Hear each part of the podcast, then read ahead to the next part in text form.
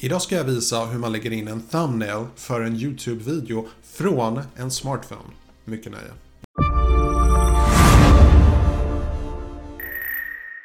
Hej och välkomna till min kanal. Mitt namn är Tommy och jag hjälper dig att bemästra social media idag. Så i den här videon ska jag göra någonting som verkar väldigt enkelt för vissa. Det är definitivt väldigt enkelt för mig, men bara för att det är enkelt för mig betyder inte att det nödvändigtvis är enkelt för dig. Så vad jag ska visa är hur man lägger in en thumbnail, en custom thumbnail i en YouTube-video på din smartphone. Det är väldigt enkelt.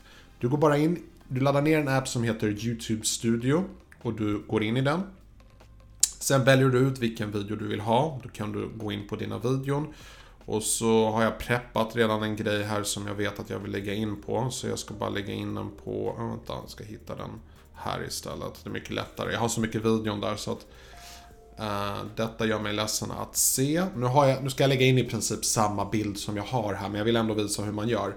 Du är inne i din videobeskrivning här och så trycker du på den här pennan högst upp i högra hörnet. Och sen trycker du på redigera miniatyrbild. Du klickar på den. Du tar ändra.